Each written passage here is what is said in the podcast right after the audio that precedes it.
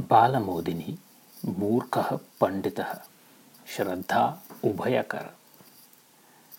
कस्मिंश्चित् ग्रामे कश्चन पण्डितः वसति स्म। सः शास्त्रग्रन्थादीन् पठितवान् आसीत्। अतः महता गर्वेण सः स्वपाण्डित्यविषये ग्रामे सर्वत्र विकथनं करोति स्म। सः स्वीयां प्रशंसां स्वयमेव सर्वत्र कुर्वन् भ्रमति स्म कदाचित् कश्चन बुद्धिमान् जनः तम् अवदत्। भोः पण्डितमहाशय एतस्मिन् ग्रामे सर्वे जनाः भवतः पाण्डित्यं जानन्ति एव।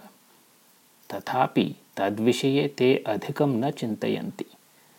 प्रायः कोऽपि तादृशः जनः एतस्मिन् ग्रामे नास्ति यः भवन्तं पण्डित्वेन न जानीयात्। तथापि जनाः भवती विशेषादरं सर्वथा न दर्शयन्ति। भवतः पाण्डित्यस्य मूल्यम् अत्रत्याः जनाः न जानन्ति। अतः मम मतमस्ति यत् भवान् अन्यं ग्रामं गत्वा तत्रत्यान् पण्डितान् जयेत् इति।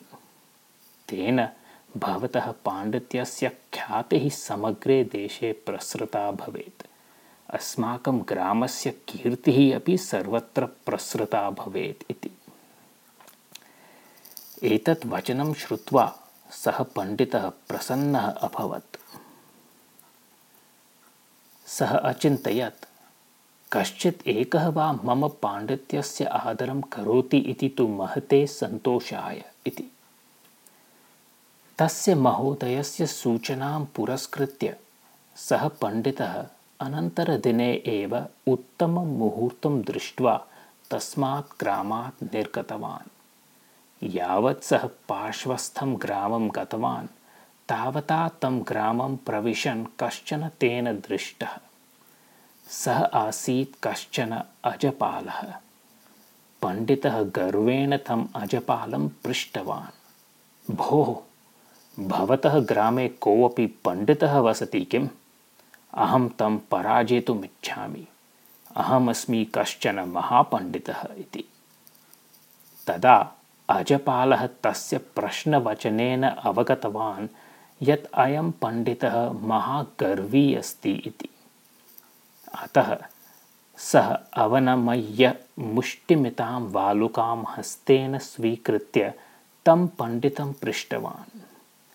मम हस्ते कियती वालुका अस्ति इति।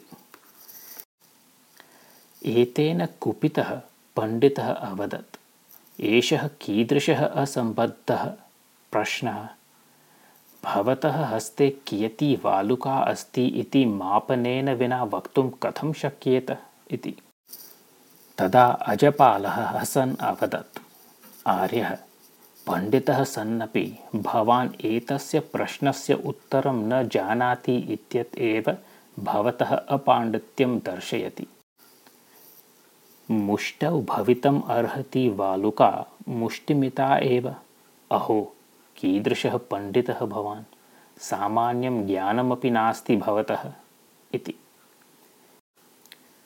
एतेन अपमानितः सः पण्डितः शिरः अवनमय्य ततः प्रतिगतवान्। तस्मात् दिनात् सः आत्मप्रशंसां परित्यक्तवान्